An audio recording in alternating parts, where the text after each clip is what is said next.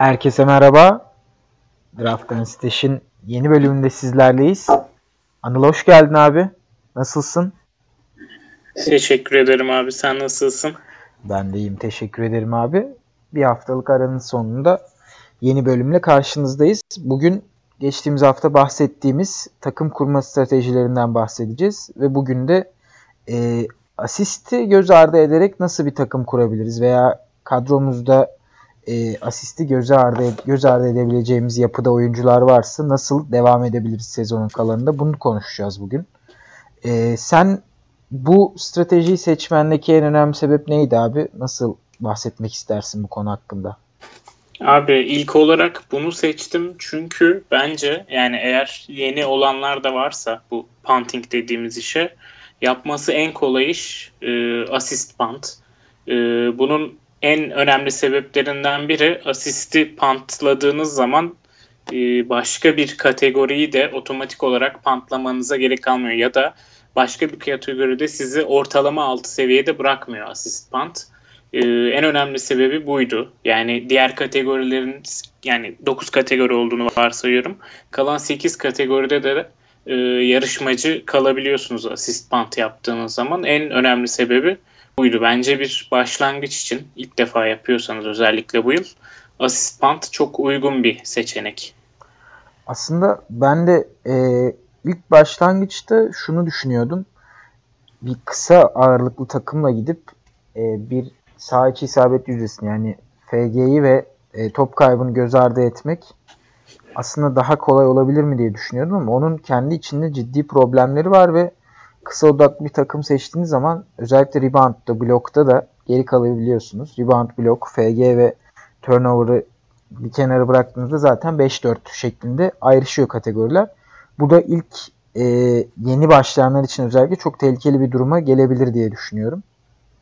Çünkü e, zaten 5-4'ün 5-4'ü oynadığımızı düşünürsek her e, eşleşmeyi kafadan her eşleşmeye 5-4 potansiyeliyle başlamak sezonun başı için iyi bir strateji olmayabilir gibi ya görünüyor. Playoff, özellikle 12 takımlı liglerde böyle bir sıkıntı oluyor. Playoff yapmak için çoğu zaman her eşleşmeyi 5-4 almak yetmeyebiliyor abi. Çokça hikaye gördüm ben işte muhteşem pant takımları kurup bütün eşleşmeleri neredeyse 5-4 kazanıp playoff'u kaçıranlar. Ya da senin biraz önce dediğin gibi hani e, takım direkt olarak 5-4'e evrildiğinde bazen yanlışlıkla 4-5'e devrilmiş olabiliyor. Yani hani bir kategoriye yeterli ehemmiyeti vermediğiniz zaman ve sezon içinde düzeltemediğiniz zaman 4-5 yenilirken de bulabiliyorsunuz kendinizi ve hani e, çaylaklar için diyelim çok sıkıntılı bir duruma düşürebiliyor bazen. E, senin dediğin mesela punt FG üstüne top kaybı gibi bir strateji. Ama burada punt asistin bence güzel bir tarafı. Dediğim gibi herhangi bir e, kategoriyi boşa atmanıza gerek yok e, aksine top kaybında da ligin tepesinde oluyorsunuz genellikle. Evet çünkü e, burada yani düşündüğümüz zaman asist yapma potansiyeli ve asist yapma ortalamaları en yüksek olan oyuncuları guardlar olarak biliyoruz, görüyoruz. Ve turnover potansiyeli en yüksek olan oyuncular da guardlar. Zaten yani bu iki e, şey arasında %85'lik 0.85'lik bir korelasyon var asist ve turnover arasında. Bu da çok ciddi bir e, gösterge bana kalırsa. Çünkü yani tahmin edebileceğiniz üzere asist yapan oyuncular topla daha çok aşırı neşir olan ve top kaybı yapmaya çok daha müsait oyuncular. Tam tersi asist yapmayan, daha az asist yapan oyuncular da turnover yapmaya daha az müsait olan oyuncular. Bu sebeple asiste e, geride olmak sizi diğer kategorilerde ön planda tutabilir diye düşünüyoruz. İstersen şeye geçelim abi. Şimdi asist göz ardı ediyoruz. Bunu hangi oyuncularla yapabiliriz? Mesela özellikle bu sezon asist ortalaması ne kadar artsa da e, Carl Anthony Towns ve Anthony Davis bu iki strateji için bence çok ciddi iki oyuncu. Çok ciddi iki aday. Sen bu oyuncular arasında bir fark görüyor musun? Yani asisti göz ardı etmek dışında. E, neler söylemek istersin bu iki oyuncuya dair? Abi bu iki, iki oyuncu arasındaki temel fark e, Tansun üçlük atıyor olması. Davis'ten maç başına yaklaşık geçen yıl bir fazla atıyordu da bu yıl daha fazladır. Tabii ortalamalara dönecektir bu yıl ilerledikçe ama Bu yıl 3 ee, tane daha fazla atıyor mu? Sürdürmesinin pek mümkün olmadığını düşünüyoruz ikimiz de. Yani evet. E, o açıdan e, Towns işte Davis'ten 1-1.5 üçlük fazla atıyorsa maç başına e, Anthony Davis de yaklaşık bir blok fazla yapıyor Carl Anthony Towns'tan. Aradaki temel fark bu. Yani Davis seçtiğiniz zaman size ikinci turdan e, ciddi bir üçlük katkısı verecek, sayı katkısı verecek. Yani Davis ile Towns aynı sayı atıyor maç başı genel olarak ama e, ikinci turdan yüksek üçlük atarak seçtiğiniz oyuncu muhtemelen sayı da atıyor olacaktır. E, Davis ile yüksek üçlük atan bir oyuncuyu e, birleştirmek mantıklıyken e, Towns'la daha çok savunma kategorilerine katkı verecek bir oyuncuyu alabilirsiniz. Yani bir uzun seçebilirsiniz. E, Carl Anthony Towns'u seçtiğiniz takdirde ikinci turdan. Aralarında böyle bir fark var ama ikisi de çok iyi başlangıçlar e, punt assist için. E, senin var mı ilk turda bu iki oyuncu dışında e, benim dikkatimi Embiid çekiyordu abi. Yine uzun e, olarak düşünürsek Embiid'in tek dezavantajı bu iki oyuncuya Towns ve Davis'e göre biraz daha sağ içi isabet yüzdesinin düşük olması. E, çünkü sağ içi isabet yüzdesi düşük. Bir uzuna göre düşük. Yine %46 kötü olacak bir yüzde değil tabii ki ama diğer uzunların 49-50 civarında attığını düşünürsek özellikle de 15-16 şut kullandıklarını da hesaba kattığımızda hatta 20'ye yakın şut kullandıklarını hesaba kattığımızda Embiid'in yanına sizi e, sağ iç isabet yüzdesinde problem probleme sokmayacak bir oyuncu bulmanız, probleme sokmayacak birkaç oyuncuyla devam etmeniz daha iyi olacaktır. Bunu da şu noktada bence e, etkili oluyor. Embiid e, sakatlanmaya da sakatlanmaya demeyelim de maç kaçırmaya da müsait bir yapıda. Çünkü dinlenmesi gerekiyor. Dinlendiği zamanlarda onun getirdiği rebound katkısı, e, servis atış katkısı, e, top top çalma, blok katkısını tolere edebilecek tipte. Bence e, biraz daha her alana katkı veren bir oyuncu daha iyi olabilir. Hani şu an söylemesi kolay ama buna en yatkın oyuncu bence Jonathan Isaac şu an. Bu sene inanılmaz başladı. Ama Isaac tipinde yani e, bu tip savunma istatistiklerine katkı verebilecek bir oyuncu bence Embiid'le tamamlamak için geride kalan uzak turlardan yani 5. 6. turlardan iyi bir seçim olacak diye düşünüyorum. Burada e, Drummond dikkatimi çekiyor benim. Drummond'ın tek bir dezavantajı serbest atış yüzdesini doğal olarak probleme sokması. Sen Drummond'ın serbest atışla nasıl baş etmek gerektiğini düşünüyorsun abi?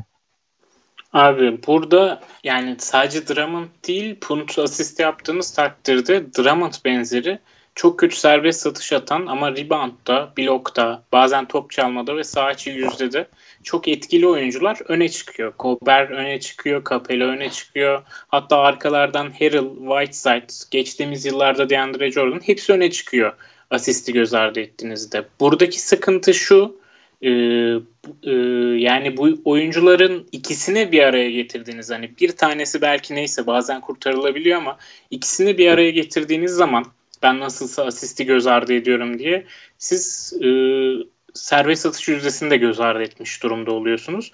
Bu oyunculardan birini seçtiğiniz zaman mutlaka ve mutlaka takımın geri kalanında e, iyi serbest satış atan oyuncular bulundurmaya dikkat edin. Sadece ser, hep dediğimiz gibi hacim de önemli bu noktada. Mesela Drummond varsa takımımda Lou Williams'ı veya Gallinari'yi takımıma katmaya çalışırdım açıkçası. Hazır e, Drummond'un da nispeten iyi bir serbest atış sezonu geçirdiğini düşünürsek e, toparlanabilir görünüyor en azından Drummond'un serbest atışı. Ama ben yine de buna çok e, güvenilmemesi gerektiğini düşünenlerdenim. Sezonun geri kalanında merak ediyorum Drummond'un performansını. Ama bakalım nasıl ilerleyecek. Burada dikkatimi çeken bir diğer oyuncu benim abi hani daha gerilerden seçilmiş olsa da Kevin Love çok iyi başladı sezona. Ee, Kevin Love normalde pasör kimliğiyle bilinen bir oyuncu. Bu sene de 3.5 asist ortalaması var ama e, şu an ortaya koyduğu şey bence Kevin Love'ın tavanına yakın bir performans. Bu sene alabileceğimiz tavanına yakın bir performans. Bu noktada punt asist bir takımda Kevin Love'ı kadroya katmak fena bir fikir olmayabilir ama ödeyeceğiniz miktar yani bu oyuncuyu takıma katmak için vereceğiniz oyuncular bence Kevin Love'a değmeyecektir. Bu noktada Kevin Love'dan uzak durmak gerekebilir. E, performansı bana kalırsa yanıltıcı. Yani sürdürülebilir. Çok rahat sürdürebilir Kevin Love. 18 sayı, 13 rebound, e, 1'e yakın steal, 2 üçlük, iyi yüzdeler. Bu Kevin Love'ın beklenen ve ondan alıştığımız katkısı. Steal'ı biraz daha düşebilir tabii ki. Düşecektir diye de tahmin ediyorum. Ama Kevin Love'ı e, asisti göz ardı ettiğimde iyi, çok değerli oluyor deyip takıma katmak iyi bir strateji olmayacaktır. Buradan bunun uyarısını yapmak istiyorum ben. Abi yoğurt aman sütten ağzı yanan yoğurdu sanırım bu yıl üfleyerek mi yiyor? Yani geçen sene çok bekledim. Senin gazınla da oldu bu gerçi ama e, ben, bu sene ben, ben böyle şeyler yapabileceğini tahmin ediyordum işte yani ama sakatlık belası. Yani senin de demek istediğin bence sakatlık belası yani. Sakatlık belası kes, kesinlikle üstüne bir de yani ben Cleveland'ın Kevin Love'ı oynatmak için en azından bir ay iki ay sonra pek bir sebebi olmayacağını düşünüyorum. 32 dakika değil de 28 dakika 26 dakika gibi süreler görmesi çok bir problem olmayacaktır bence iki taraf açısından da. Ben de katılıyorum bunlara. Yani o yüzden Kevin Love'a yükselmek iyi bir fikir olmayabilir diye düşünüyorum. Yani çok uygun. Fantasiste. Ee, %87 ile maç başı 6 serbest satış atıyor. Özellikle bir uzundan bu serbest satış hacmini ve katkısını almak çok önemli ama e, dediğin gibi aldatıcı olmasın bu performans Kevin Love'ın. E, başka benim burada aslında şey e, eklemek istediğim birkaç tane nokta var abi. Kritik yani e, oyuncular üstünden değil de böyle e, bu yani her pant bu yıldıngi bu şekilde işliyor ama e, sadece sıralamaları açıp oradan asisti göz ardı edip oradaki sıralamada en üstteki oyuncuyu seçmek değil bu punt build'lerinin hiçbiri ama e, burada bir iki tane püf noktası var benim bahsetmek istediğim. E, biraz önce şeyden bahsettik en başta yayında hani asisti göz ardı ettiğinizde top kaybı sizin için her zaman ligin üstünde olacağınız bir istatistik olacak diye ama abi burada şöyle bir hata da yapılabiliyor bazen.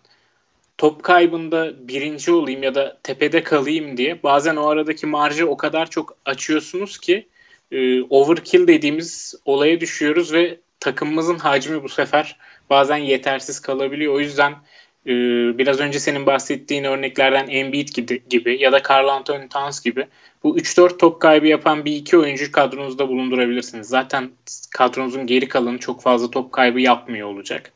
E, bundan bahsetmek istedim.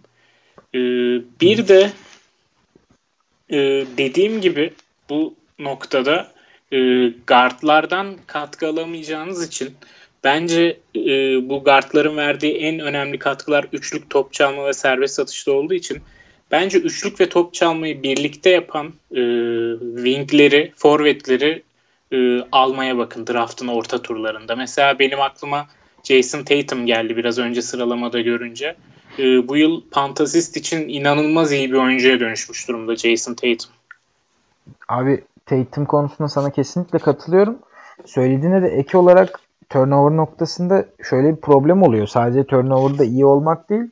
Bunun yanı sıra hani doğal olarak az top kullanan oyuncular, az top kaybı yapan oyuncular diğer sayı, rebound, e, üçlük gibi istatistiklere de az katkı yapmış oluyor diğer oyunculara oranla. Bu da genelde toplamda sayıda, reboundda, üçlükte geride kalmanıza sebebiyet verebilir. Çünkü e, bir oyuncunun hani bir top kaybı yapması onun daha az top kullandığına da bir göstergedir doğal olarak. Bu noktaya da dikkat etmek önemli bana kalırsa. Yani hacmi sadece turnover'dan kısmak boyutunda değil, diğer istatistiklere katkı olarak da düşünmekte fayda var burada. Asisti göz ardı ettiğiniz zaman oyunun en çok hacim yaratan e, istatistiklerinden biri asist. Çünkü çoğu guard hacimli oynuyor ve asistler de guardlara yönelik, guardlarla ilintili şekilde. Bu nedenle hacimde yani hacimsel olarak geride kalmamak için e, bir iki tane senin de bahsettiğin gibi Embiid gibi, Towns gibi veya kısalardan e, DeRozan Ka- olabilir bence. Bu sene asist ortalaması da düşmüşken. E, e, Kawhi ve George da mesela konuşulabilir. keza evet Kavay ve George da konuşabilir. Ben Kavay'ın asist ortalamasının e, sürdürülebilir olacağını düşünmüyorum. Özellikle de Paul George geldikten sonra. Yine geçtiğimiz senelere oranla tabii ki yukarıda olacağını düşünüyorum. Ama e, şu anki asist ortalaması galiba 7 civarıydı. Şey 6 civarıydı. E, 5.5 5.5 6 civarı. Bunun 4.5'lara inmesini ben çok olası görüyorum. Bu da aslında nispeten ortalaması ortalamanın biraz üstünde sayılabilecek bir istatistik. Ondan da bahsedelim. Ortalama olarak bir oyuncu ortalama bir oyuncu 3.2 civarında bir asist yapıyor. Yani 3.2 asist demek e, sıra sıradan standart bir oyuncu demek fantazide. Bunun ne kadar üstünde ise o kadar değerli katkı veriyor asiste. Bunun ne kadar altındaysa da o kadar e, değersiz katkı veriyor asist konusunda. Bu şekilde de bir ayrım yapılabilir diye düşünüyorum. Aynen mesela Towns ve Davis aslında geçen yıl 3.2'nin üstünde asist katkısı veren oyuncular ama onları değerli yapanlar e, diğer kategorilerdeki katkılarının bu pantasist yapısına ne kadar uyumlu olduğu ile ilgili. E, buradan başka geçmek istediğim bir isim var mı ya da mesela bu pantasist yapısında herhalde en çok en sıkıntılı nokta takıma point guard oynayabilecek. Çünkü kadronuzda da point guard spotunu doldurmanız gerekiyor. Ee, orada oynayabilecek isimler ve bu yapıya uygun isimler konuşulabilir diye düşünüyorum. Abi kesinlikle katılıyorum. Burada e, dikkat çeken oyuncular arasında hani tabii ki bu Treyang'lar, Doncic'ler falan varsa böyle bir şeye tabii ki girmeyin yani. Bunu bu podcast'i dinlemeyin bile buraya kadar kısmını ama hani elinizdeki diğer guardlar mesela Buddy Hield e, point guard oynayamasa da Buddy Hield değerli bu noktada. Onun yanı sıra e, Anferni Simons waiver'dan eklenip bu şey için iyi bir performans verebilir. Özellikle Portland sakatken. Bunları kovalayabilirsiniz diye düşünüyorum. Mesela şu an Shai Gilgis Alexander çok önemli bir katkı veriyor. Özellikle bu, bu yapıya uygun bir şekilde. Doğru. Alexander var. Ee, başka Kendrick Nunn var. Hani bulabilirseniz alabilirseniz ama ben hani sürdürülebilir olacağını düşünmüyorum performansının çok bu seviyede ve çok sınırlı bir katkı görüyorum Nan'dan. Yani sayı ve üçlük noktasında iyi ama diğer taraflarda pek iyi değil. Bu da hani kaybettiğinizde üzüleceğiniz bir durum değil bana kalırsa. Abi e, sezonun bu noktasına kadar kötü geldiği için e, yapısını buna uygun olarak kurmuş oyuncular veya buna döndürecek oyuncular da CJ McCollum'u düşünebilir. Yani şu an çok kötü oynuyor. Bunun en temel sebebi de saha içi yüzdesi e, ve üçlük sayısının düşmüş olması. E, 1.6 üçlük atıp bunda %39 saha içi isabetiyle yapıyor CJ McCollum. E, bence şu an buy low yapmak için çok uygun bir isim CJ McCollum. Ben toparlayacağına %100 inanıyorum. Çünkü senelerdir düzenli olarak ilk 50 veya yakınında katkı verecek bir oyuncu ve e, pantasist yapısına da çok uygun CJ McCollum. O yüzden şu an CJ McCollum'a gitmek çok mantıklı olabilir. Hem de o kadronuzdaki e, oyun kurucu spotunu doldurmuş olursunuz. Burada Patrick Beverly ve e, Colin Sexton'da değerlendirilebilecek oyuncular ama Sexton'ı ikimiz de çok beğenmiyoruz. Beverly'nin de biraz önce bahsettiğimiz hacim noktasında problemleri olduğunu düşünüyorum ben. E, takımınızın hani son birkaç turdaki oyuncusundan biri olmalı Beverly bana kalırsa. E, son Aslında zaman... Sexton hacim konusunda yardımcı olmaz mı? Yani evet. Bu, bu... Fena değil yani. Bir garda göre yüzdeleri gayet iyi hatta. Ama işte zeka problemleri var. Daha yani, önce konuşmuştuk. Sayı probleminizi çözebilir varsa diye düşünüyorum Colin Sexton. Veya üçlükte katkısı olabilir. Savunma istatistiği beklememek lazım. Kesinlikle.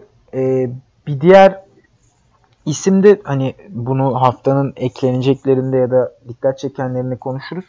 Frank Nilikina bence Nilikina, Nilikina da e, birazcık yüzdelerinde problem olsa da değerli bir katkı verebilir punt asist noktasında. Özellikle getirdiği savunma istatistikleriyle diye düşünüyorum abi. Abi bir diğer isim yani Nilikina'yı konuşuruz ayrıca. Ee, podun sonuna doğru haftanın eklenilecek oyuncularında e, Dejante Murray de olabilir. O da e, aslında burada güçlü olacağınız bir nokta olacak rebound. Bu fantasist yapısında ama e, o da rebound'a katkı veriyor. Üçlüye çok katkı vermiyor ama Murray'nin kadronuzda olduğu bir noktada muhtemelen üçlükte sıkıntı yaşıyor durumdasınızdır diye düşünüyorum. E, ona da dikkat etmek lazım. E, onun dışında bu fantasist yapısına ekleyeceğin bir nokta, bir püf noktası. Abi açıkçası hani sayı ve üçlük noktasında geride bırakabilir bu asiste göz ardı etme e, durumu. O da sen iyi bahsettin orada. Orta sıralardan e, iyi kanat oyuncuları özellikle üçlük atan ve sayı da doğal olarak getiren kanat oyuncuları savunma istatistikleriyle beraber iyi bir seçenek olacaktır diye düşünüyorum. Asisti göz ardı etmek hacimde birazcık geride bıraktırıyor sizi. Bunlara dikkat etmek önemli olacak sezonun geri kalanında. İşin kötü yanı e, asisti normal bir şekilde waiver'dan veya free agency'den bulmanız pek kolay değil. Yani çünkü asist e, waiver'da kapış kapış giden istatistiklerden birisi.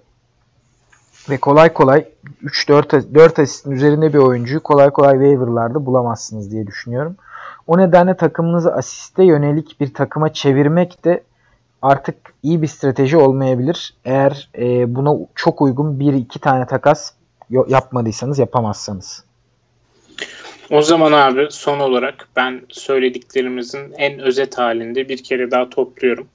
Ee, burada sıkıntı yaşayacağınız 3 tane kategori olabilir. Ufak çaplarda sıkıntılar bunlar.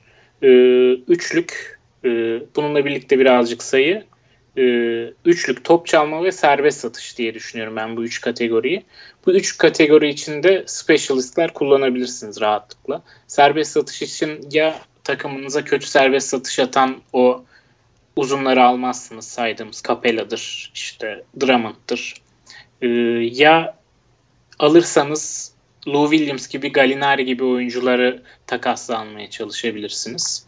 Ee, sayı için dediğimiz gibi mesela Colin Sexton çok iyi bir seçenek. Ee, onun dışında top çalma için de kanatlarda üçlük ve top çalma yapan işte Jason Tatum gibi, e, Robert Covington gibi oyunculara yönelebilirsiniz e, bu build'i kurarken.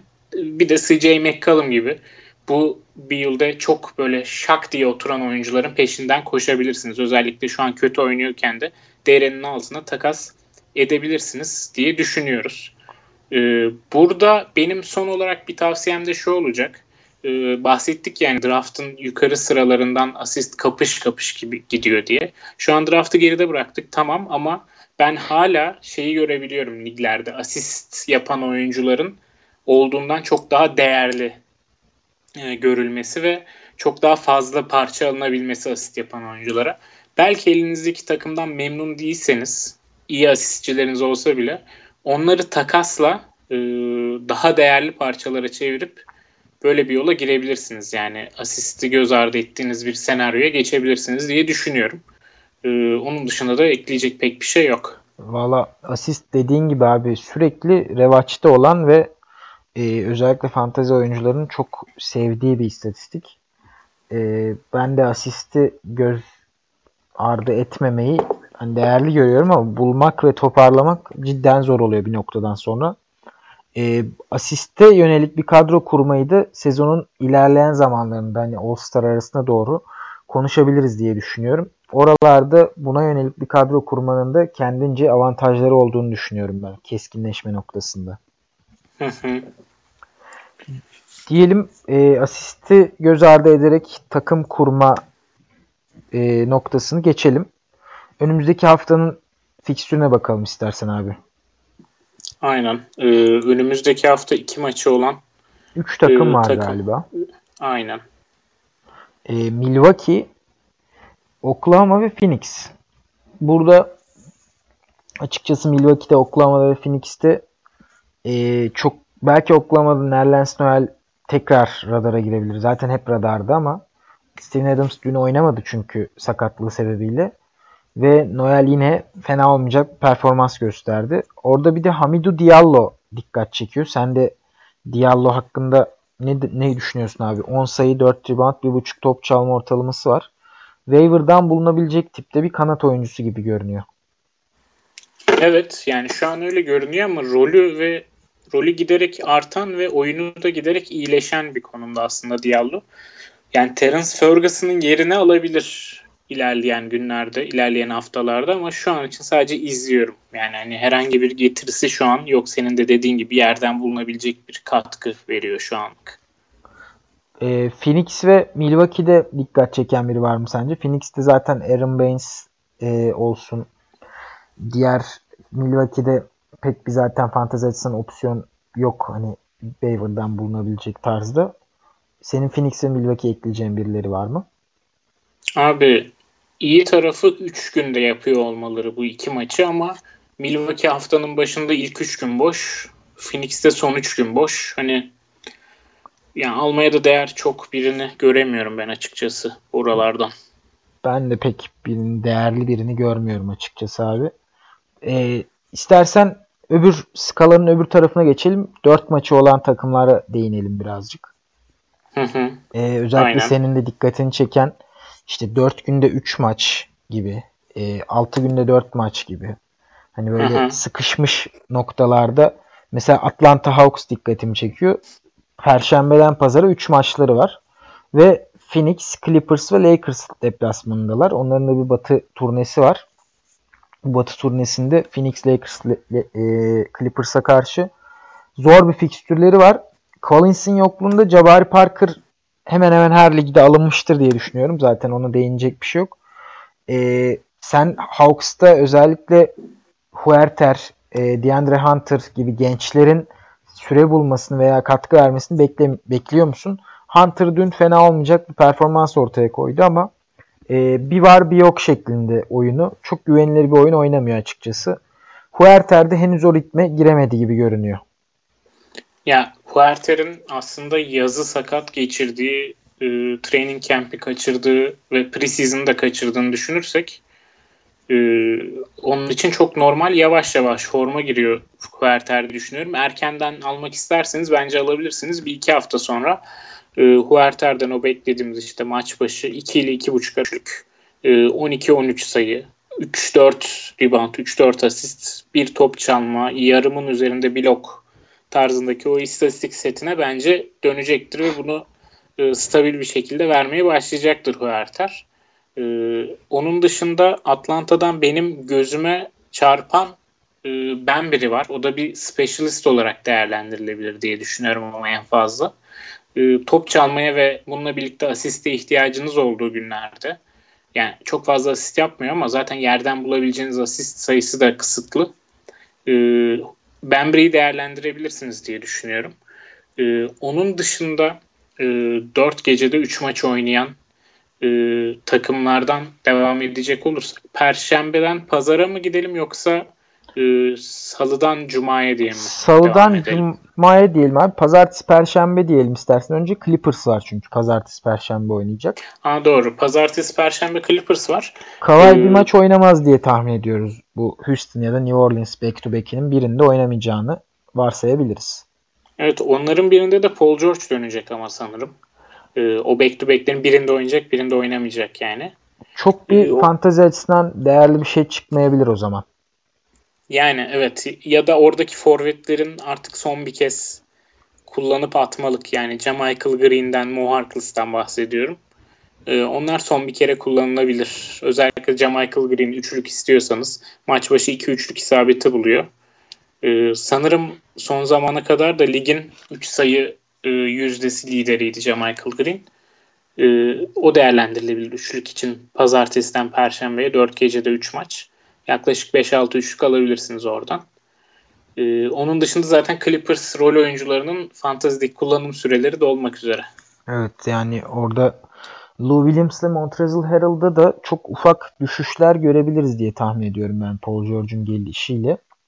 Valla bunlar ufak olmayabilir ya bence. Yani evet hani iyimser bakarsak ufak olur ama çok büyük ihtimalle şu anki gibi devam etmeleri pek kolay görünmüyor. Paul George döndüğü anda. Aynen ee, öyle. o da bu hafta çıkarmak zaten. isterseniz en iyi tarih şu an. Ee, Salıdan Cuma'ya Philadelphia ve Lakers var. Philadelphia'da Ben Simmons'ın e, ufak bir omuz sakatlığı var ama ciddi bir şey olmadığı konuşuluyor. Hani çok kısa vadeli Raul Neto veya Trey Burke denenebilir ama iki oyuncunun da ben e, fantezi açısından bir etki yaratmasını pek mümkün görmüyorum. Yani kısa vadeli 1-2 maçlık bir asist katkısı görebiliriz. Onun dışında devamı veya fazlası bence çok olası değil bu iki oyuncudan da. Sen abi, Philadelphia veya zaten... Lakers'a ne demek istersin abi? Simmons zaten dönecek sanırım. Çünkü bakmıştım onun sakatlığına. Ee, grade 1 onun 6 6 grade'den oluşuyormuş onun sakatlığının skalası ve en düşük seviyeden görünüyor. O yüzden dönecektir yani 3 maç demişlerdi. 2 maçta oldu. Ee, salıdan sonra dönecektir diye düşünüyorum. Orada ve Neto da iyi bir katkı vermiyor. Ee, Lakers'ta da öyle rol oyuncularından e, net bir kal- alabileceğiniz bir katkı yok. Çünkü olabildiğince geniş zaten Lakers rotasyonu ve yeterli dakikalar kalmıyor pek rol oyuncularına. Orada belki blok için Javel McGee kumarı oynanabilir. Ee, veya aynı şekilde Dwight Howard boştaysa o düşünülebilir ama yerdeyse belki asist için Rondo'yu alabilirsiniz. Çünkü onda dönmesi bekleniyor ama o da e, bu kadar maç kaçırdıktan sonra acaba nasıl dönecek? Birazcık dakika limiti olabilir. Henüz en iyi performansını gösteremeyebilir sahada. O yüzden Lakers'tan da çok fazla bir seçenek yok gibi. Ben burada Philadelphia'ya şeyi eklemek istiyorum abi. Ee, bir back to back'leri var. Embiid'in oynamama durumu olabilir. Ee, bu back to back'te özellikle Cleveland ve Orlando ile olduklarını düşünürsek bu iki maçın belki Cleveland'a karşı dinlenebilir Embiid veya Orlando deplasmanında. Bu noktada benim dikkatimi açıkçası e, Tybull çekiyor. Eğer Embiid'in e, dinlenmesi durumunda herkesin bir pozisyon kaymasıyla belki Tybull 5'te e, başlayıp steal ve blokta kısa vadede bir katkı verebilir diye düşünüyorum. Bunu göz önünde bulundurabilirsiniz. Aynı şekilde Furkan'a da daha fazla yük düşebilir eğer Embiid bir maç kaçırırsa orada ki kaçıracaktır muhtemelen. Ee, Furkan da yaklaşık 3 üçlük buldu geçen hafta e, 6 denemede. Şu an eli çok sıcak ve üçlük sayı bandında e, başka bir alana çok fazla katkı vermiyor maalesef şu an. Üçlük ve sayı için Furkan düşünülebilir. Evet Furkan'ı da atlamamak lazım. Furkan da e, ısınmışken değerlendirilebilir diyelim. E, diğer şeye geçelim abi. Çarşamba, cumartesi. Burada biraz daha kalabalık bir durum var. Minnesota, Charlotte, Houston, San Antonio ve e, Clippers tekrar burada da gündemde. Hani bu aralıkta e, özellikle Minnesota'da Teague'in olmaması sence nasıl bir etki yaratır? Ama büyük ihtimalle dönecek Teague ve Napier'da. E, Minnesota'dan senin dikkatini çeken birileri var mı? Abi Napier'ın olmadığı senaryoda Jared Culver ilk 5 başladığı için e, o vardı ama dün Josh Okogie çok iyi oynadı e, Denver maçında ve maçı da onunla kapattılar. Benim şu an ilgimi çeken oyuncu orada Josh Okogie. E, özellikle üçlük ve top çalma katkısını bir arada ver, verebileceği için. E, ama dediğin gibi Napier ve Teague dönerse buradaki rol oyuncularının da e, Napier olsun, Culver olsun birazcık önü tıkanacaktır. O yüzden burada da çok gözüme çarpan biri yok. Washington'da da abi Wash ama Washington diyorum ya. Charlotte'da da o dediğimiz durum hala geçerli. Kimin elinin sıcak olacağı hala çok belli değil ama birazcık oturmaya başladı herhalde burada. E, PJ Washington, Cody Zeller, Devonte Graham, e, Miles Bridges ve bir kişi daha. Terry Rozier. E, Terry Rozier. Aynen. Verimsiz yani bir şekilde olsa da. Asıl Terry beşleri dışında, ve hani süre alan beşleri oyuncuları bu şekilde. Ya bunların dışına çok çıkmıyor orada katkı veren oyuncular ve bunların dışında da yerde e, bulacağınız oyuncu sayısı yok gibi. Yani yok Dwayne gibi. Bacon falan yerdedir de Dwayne Bacon'ı ben geçen hafta bir yerde streaming için aldım. Ee, Allah affetsin sıfır sayı, sıfır rebound, sıfır asist bir top çalma ile mi ne bitirdi maç. Evet Bacon beklentileri aslında iyi başlamıştı. İlk bir ya da iki maç ha iyi dedirtti kendine. Sonra e, 20 sayı atıp bir sayı attığı maçlar gördük. Ben de Charlotte'da çok ekleyecek bir şey bulamıyorum. E, Houston'da benim dikkatimi Daniel House çekiyor abi. Daniel House'un e, özellikle waiver'dan istediğimiz aradığımız tarzda, tarzda bir kanat oyuncusu olması onu değerli kılıyor. Ama onun dışında da Houston'da açıkçası pek bir oyuncu e, göremiyorum. Burada bir back to back durumundan dolayı acaba House biraz daha değerli olabilir mi diye düşünüyorum. Özellikle Westbrook dinlenirse. Çünkü geçen back to back setinde Westbrook dinlenmişti ikinci maçta galiba. Yine aynı durum olursa House için bence iyi bir fırsat olabilir diye düşünüyorum. Abi House'u da yerde bulmak şu iyi performansından sonra biraz zor. E, zor olacaktır. O yüzden orada da başka da öne çıkan bir oyuncu yok. Zaten Harden usage'ın çoğunu kullandığı için. Yani belki Austin Rivers diyeceğim ama güvenmek çok zor ya şu an Houston'daki rol oyuncularına House ve Tucker dışında. Çok iyi bir hamle olmaz diye düşünüyorum ben de Austin Rivers'a güvenmek. Ee, Spurs'e ekleyeceğim bir şey var mı? Dijante Murray oynamayabilir. Oynamaz hatta şeydi e, back to back'te. Orlando Portland back to back'inde. Burada Bryn Forbes, Derek White, Patty Mills gibi oyuncular dikkat çeker mi? Ne düşünüyorsun abi? Abi kesinlikle burada da yani Derek White değil de bence Forbes ve Mills'e daha çok kalabilir oradaki dakikalar. Tabii Derek White'a da kalır. Ama Forbes ve Mills daha çok böyle specialist kıvamındalar ya sayı ve üçlük hı hı. atmak için. Derek White daha çok şey olur. Hani top çalma olsun, blok olsun, asist olsun, sayı, üçlük, rebound her kategoriye katkı verebilecek bir oyuncu. Tabii ki Derek White da değerli ama üçlük ve sayı arıyorsanız da Patty Mills ve e, Bryn Forbes'a gidebilirsiniz. Hatta onlardan daha fazlasını alabilirsiniz bu iki kategoride diye düşünüyorum. E, son olarak Perşembe Pazar oynayan bir New Orleans var. New Orleans'ta Derek Favors biraz olsun toparlanır gibi oldu ama hala bence draft edildiği noktaya göre çok kötü durumda. Ve droplanmasına açıkçası çok şey değilim şu an. Çok e, kötü bakmıyorum. Ve Pelicans'ta ben ekleyecek de bir oyuncu görmüyorum. Charlotte'a benzetiyorum durumlarını abi çünkü. Kimin eli sıcaksa veya e, kim rotasyonda o gün özellikle savunmada iyi katkı verirse o süre buluyor. Çünkü hücum bir şekilde Drew Holiday, e, Brandon Ingram idare ediyorlar. Fena yani gayet iyi oynuyorlar. O nedenle ben orada çok değerli bir oyuncu göremiyorum. Senin dikkatini çeken biri var mıydı Pelicans'ta? Bir de çok kalabalık ya rotasyonlar. Kalabalıktan ziyade çok geniş. Yani en geniş rotasyonu onlar kullanıyor. 13 kişiyle oynatıyorlar şu an.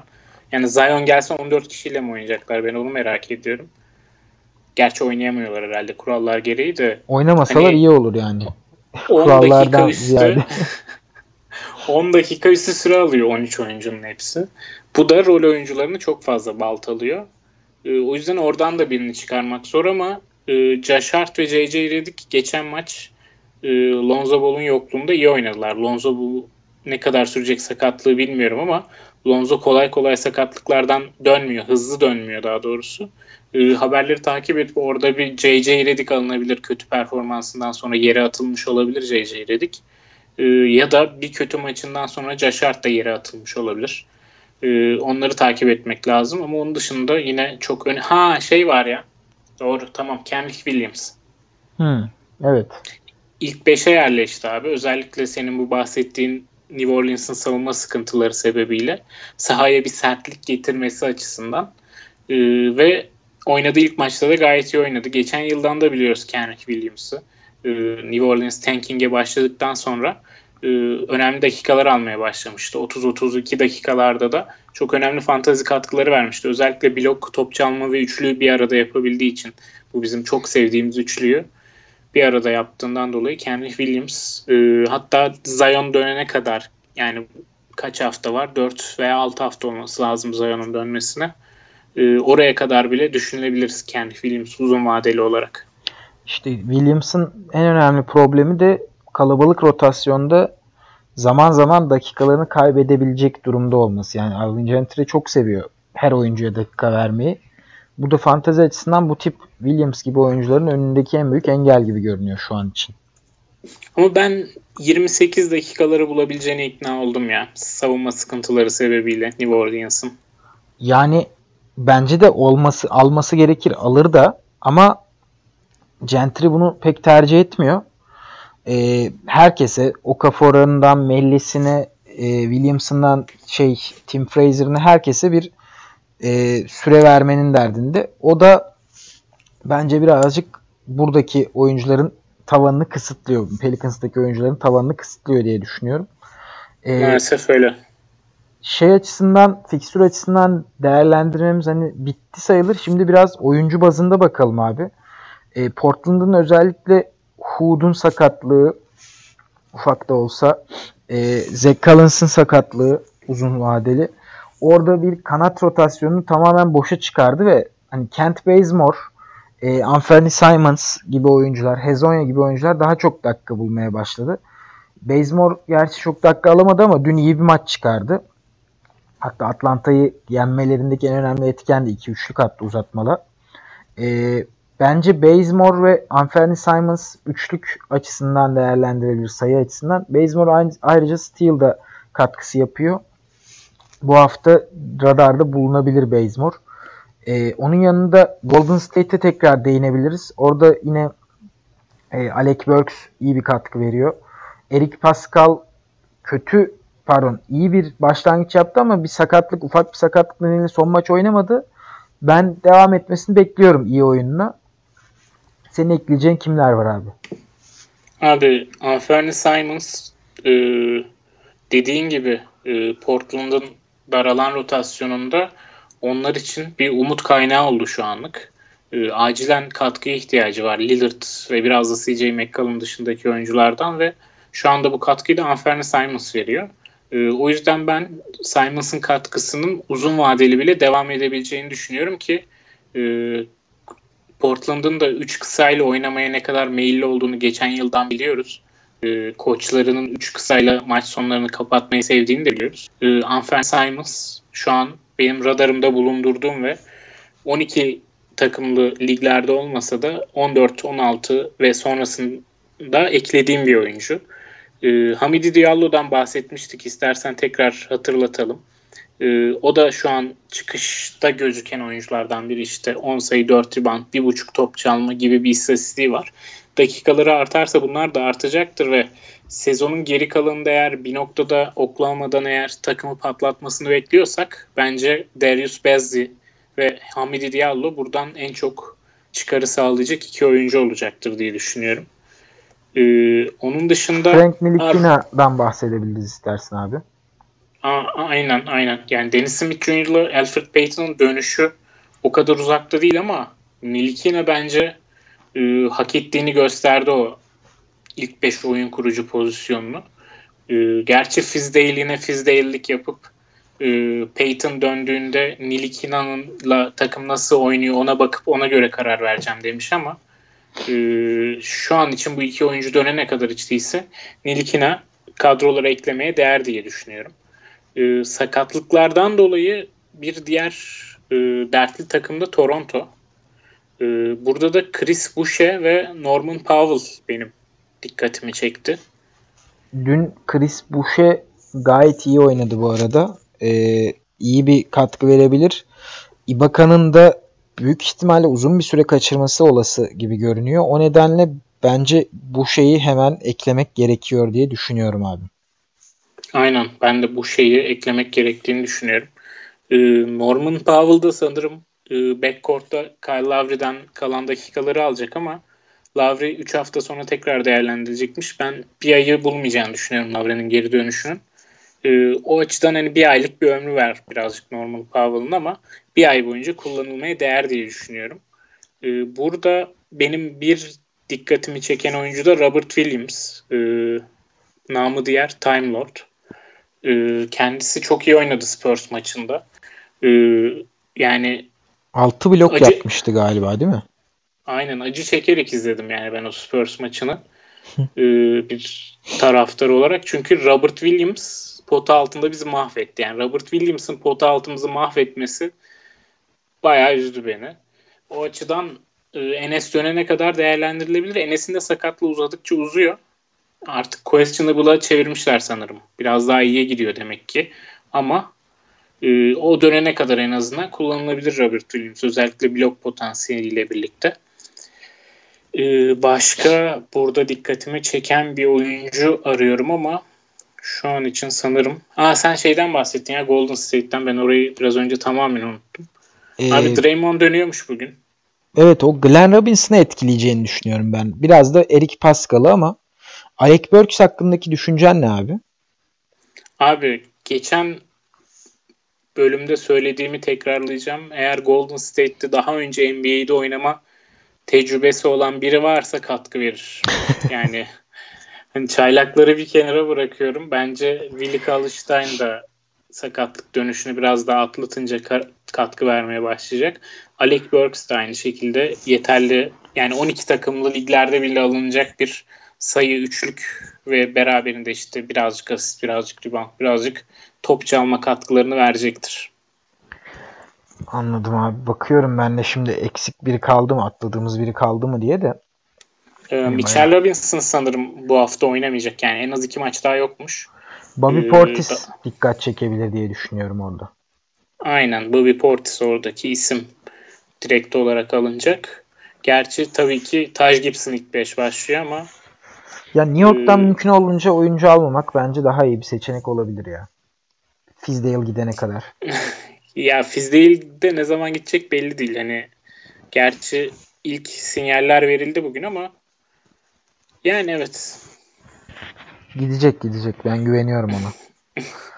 e, Troy Brown'u geçen hafta konuşmuş muyduk? Hatırlamıyorum yani ee, Troy Brown da bence e, Huerter gibi birazcık daha sakatlık sonrası kendine gelecek oyunculardan birisi. Ben de Troy Brown'a aynı şekilde bakıyorum ama orada şöyle bir sıkıntı olabiliyor. Isaiah Thomas yaşadı aynı sıkıntıyı. Bench'ten geldiği 3 maçta iyi oynarken Isaiah Thomas ilk 5 çıktığı diğer 3 maçta ortalamanın altında veya ortalama katkılar verdi. Bunun sebebi de sanırım ilk 5'te Bill, Hashimura ve e, Thomas Bryant'ın top kullanma noktasında diğerlerine pek e, alan bırakmaması. O noktada da Troy Brown şimdi ilk 5'e geçti. Bilmiyorum katkısı sıkıntılı aman sıkıntılı diyorum kısıtlı olabilir. Yani usage'ı birazcık düşebilir Troy Brown'un ama e, birazcık sabrederseniz bence sezonun özellikle All-Star arasına doğru olan bölümü ve sonrasında Troy Brown'dan ciddi katkılar görebiliriz. Evet Troy Brown'da radarımızda tutabileceğiniz bir oyuncu olarak söyledikten sonra e, ekleyeceğim bir oyuncu var mı abi? Ben hemen hemen her oyuncuyu konuştuk gibi görüyorum şu an. Abi Chris yani ekleyeceğim bir oyuncu yok da Chris bu şeye bir kere daha vurgu yapmak istiyorum. Çünkü e, çok fazla tanınmayan, bilinmeyen bir isim. E, ama G League MVP'si olarak geldiğini hatırlatalım ve inanılmaz bir fantezi oyuncusu. Yani e, G League'de yaptıklarını şimdi burada saymayayım ben. E, gerçi istatistikler önümde sayabilirim ama e, siz açın bakın ki böyle bir yer etsin e, sizi de. Çok fazla da alternatif yok Toronto'nun potu altında. O yüzden Chris Boucher'i bir radarınıza alın ve ekleyebiliyorsanız şimdiden ekleyin. Evet yani sen bunu söyledin. Ben de hemen Chris Boucher nerede boşta ona bakıyorum. Ekleyebileceğim her yerde ekleyeceğim şimdi. Ee, Chris Boucher değerli bir katkı verecek diye düşünüyorum ben de. Diyelim ve bu haftanın sonuna gelelim abi. Ee, Aynen. Ağzına sağlık. Biz dinleyenlere de bir kez daha teşekkür edelim. Ee, haftaya görüşmek üzere. Hoşçakalın. Hoşçakalın.